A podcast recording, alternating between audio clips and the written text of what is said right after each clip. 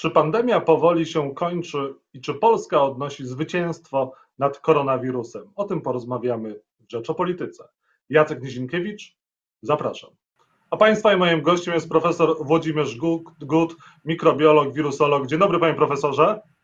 Dzień dobry Państwu. Czy pandemia się kończy? Pandemia się skończy, kiedy się ogłosi koniec pandemii, bo oznacza to powrót do stanu, który był przed. W związku z tym wirus na pewno zostanie w populacji, jak nie u nas, to gdzie indziej. Więc mówienie, że pandemia się kończy, jest troszeczkę przedwczesne. No ale e, pytanie, czy mają rację na przykład politycy jak Andrzej Duda, prezydent mówi, że pandemia koronawirusa jest w Polsce coraz mniejsza. Mam nadzieję, że ją pokonamy. Rzeczywiście jest coraz mniejsza? Jeśli chodzi o spadek tydzień do tygodnia, to jesteśmy, odliczając oczywiście wszystkie te mniejsze kraje poniżej miliona, na pierwszym miejscu w Europie. Ale trzeba zwrócić uwagę, że spadamy ze stosunkowo wysokiej liczby. Niektóre kraje tydzień do tygodnia mają wzrost, a w rzeczywistości mają znaczący spadek w stosunku do tego, co się działo. Mówię o Wielkiej Brytanii. Panie, panie profesorze, a jak idzie Polsce szczepienie Polaków? Jak pan ocenia narodowy program szczepień? Mogłoby być lepiej, czy idzie dobrze?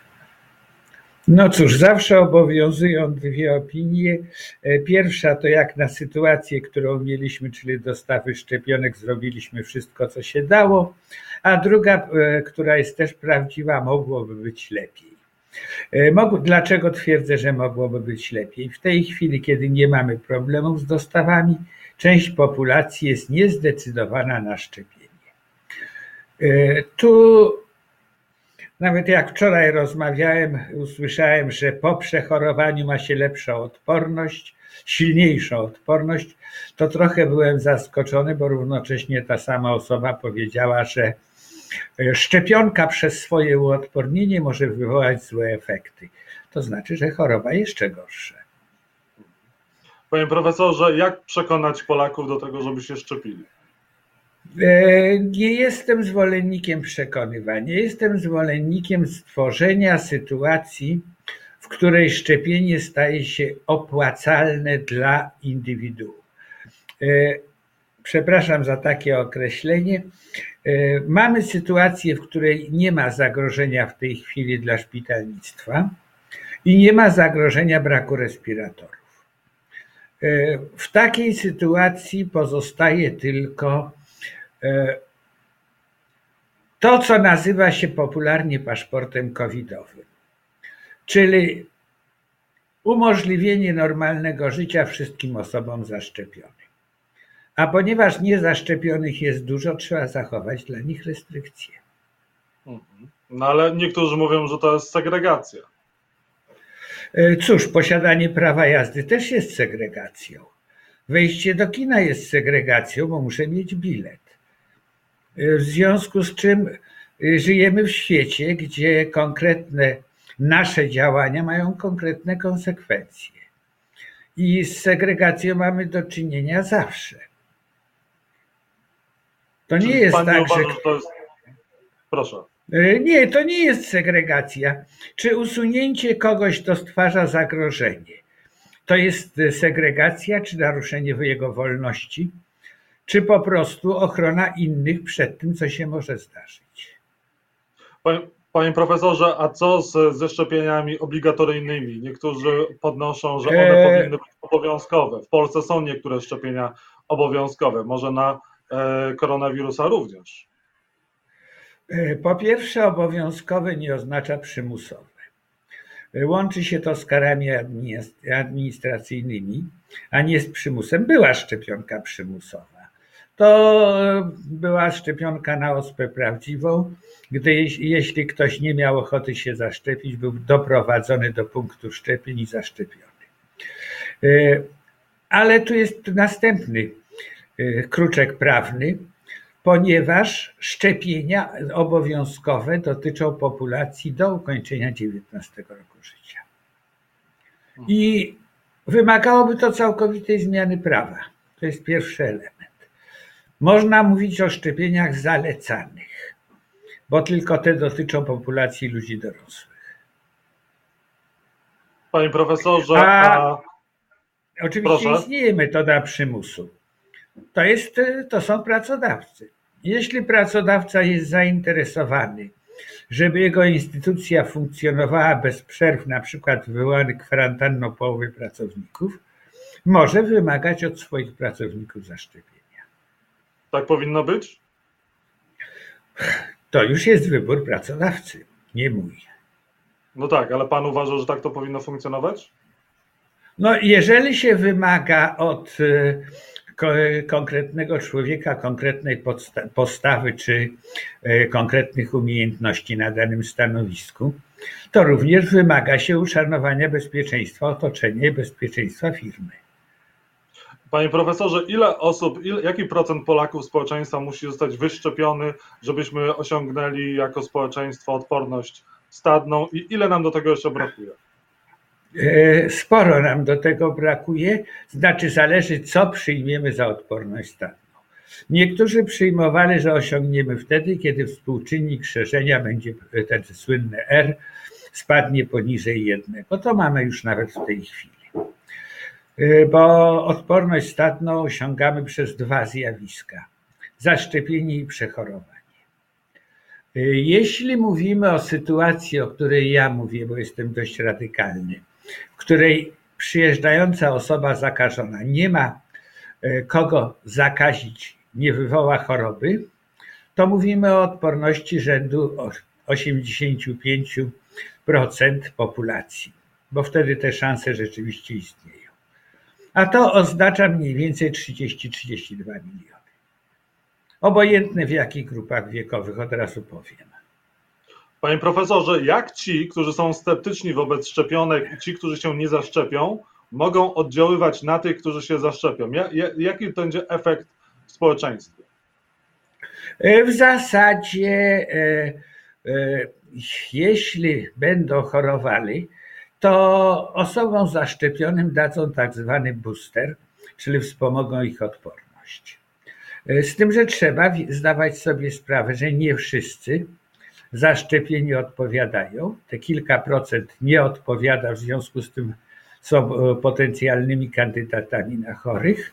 I drugie, że są osoby, u których e, szczepienie jest niemożliwe po Podawanie osobom, które nie odpowiedzą na szczepionkę z założenia ze względu na stan zdrowia, e, kurację i tak dalej, jest po prostu bezsensowne. No dobrze, a ci, którzy nie chcą się zaszczepić ze względów ideologicznych, czy oni szkodzą reszcie społeczeństwa? Oczywiście, że tak, ponieważ cały czas utrzymują wirusa i stanowią zagrożenie dla tych, którzy chętnie by się zaszczepili, ale nie mogą być zaszczepieni, bo ich stan zdrowia na to nie pozwala. Panie profesorze, są e, obostrzenia coraz bardziej luzowane, jednak e, nie są odmrażane, nie jest odmrażany zakaz zgromadzeń. W dalszym ciągu nie można się gromadzić na, na przykład na ulicach spontanicznie. Czy to jest błąd? Jeżeli dotyczy osób szczepionych, E, jeżeli dotyczy osób szczepionych, to e, zwrócę uwagę, że było wyraźnie powiedziane, że obostrzenia nie dotyczy osób zaszczepionych. A jeżeli dotyczy osób niezaszczepionych, e, gromadzących się w celu na przykład protestu przeciwko szczepieniom, no rozumiem, że działanie jest słuszne. Mhm. Panie profesorze, jeżeli się szczepić, e, to którą najlepiej szczepionką, jeżeli mielibyśmy przekonywać e, tych, którzy jeszcze się nie zaszczepili, to którą szczepionką najbardziej, która jest mniej lub bardziej bezpieczna, można to określić?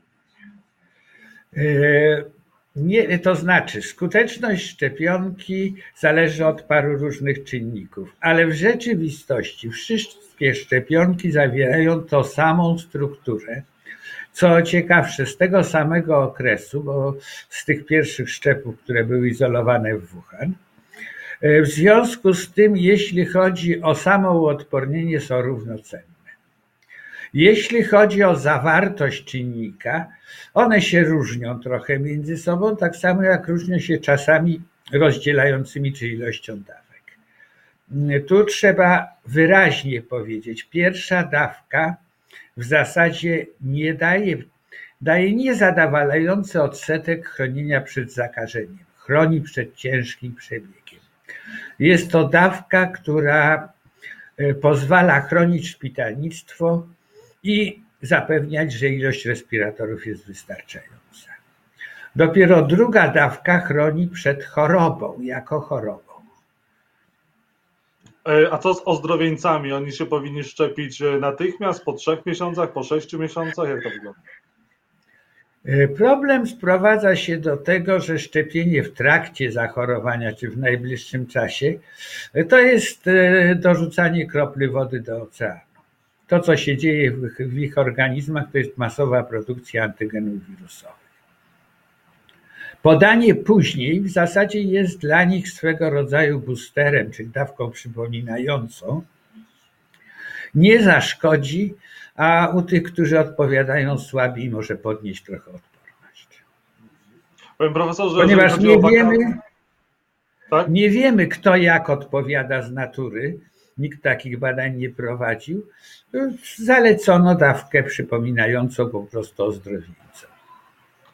Panie profesorze, jeżeli chodzi o wakacje, możemy je planować, wyjazdy zagraniczne, wyloty na przykład samolotem z dziećmi, które są niezaszczepione. Jak tutaj wyglądają kwestie bezpieczeństwa?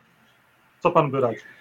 E, jeżeli chodzi o samoloty, to są najbezpieczniejsze środki ze względu na obieg powietrza w tych e, e, pojazdach. Znacznie gorzej wygląda, kiedy jedziemy pociągiem czy autobusem bo tam e, obieg jest całkowicie inny. A jeśli chodzi o samo, no cóż, nie mamy szczepień poniżej 12 roku życia, nikt nie dopuścił szczepionek. My wiemy, że osoby poniżej tego wieku e, nie tylko rzadziej mają ciężki e, przebieg, ale również nie zakażają tak skutecznie jak osoby powyżej 12 roku życia. Zresztą w ogóle ciężkość przebiegu jest trochę skorelowana z wiekiem, ale okazało się, że nie do końca, ponieważ dość ciężko potrafią chorować ludzie młodzi. Mhm. Czyli co, możemy planować wakacje, wyjeżdżać za granicę? E, oczywiście. Czy jeszcze sobie odpuścić jest, ten rok?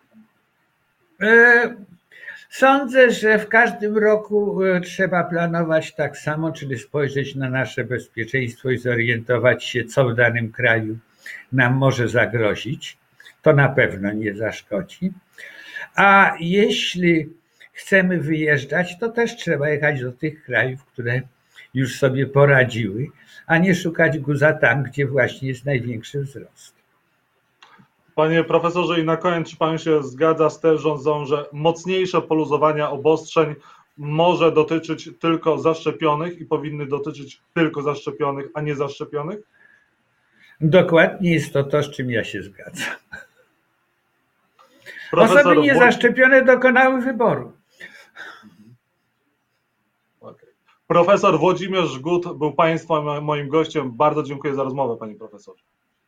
Dziękuję bardzo.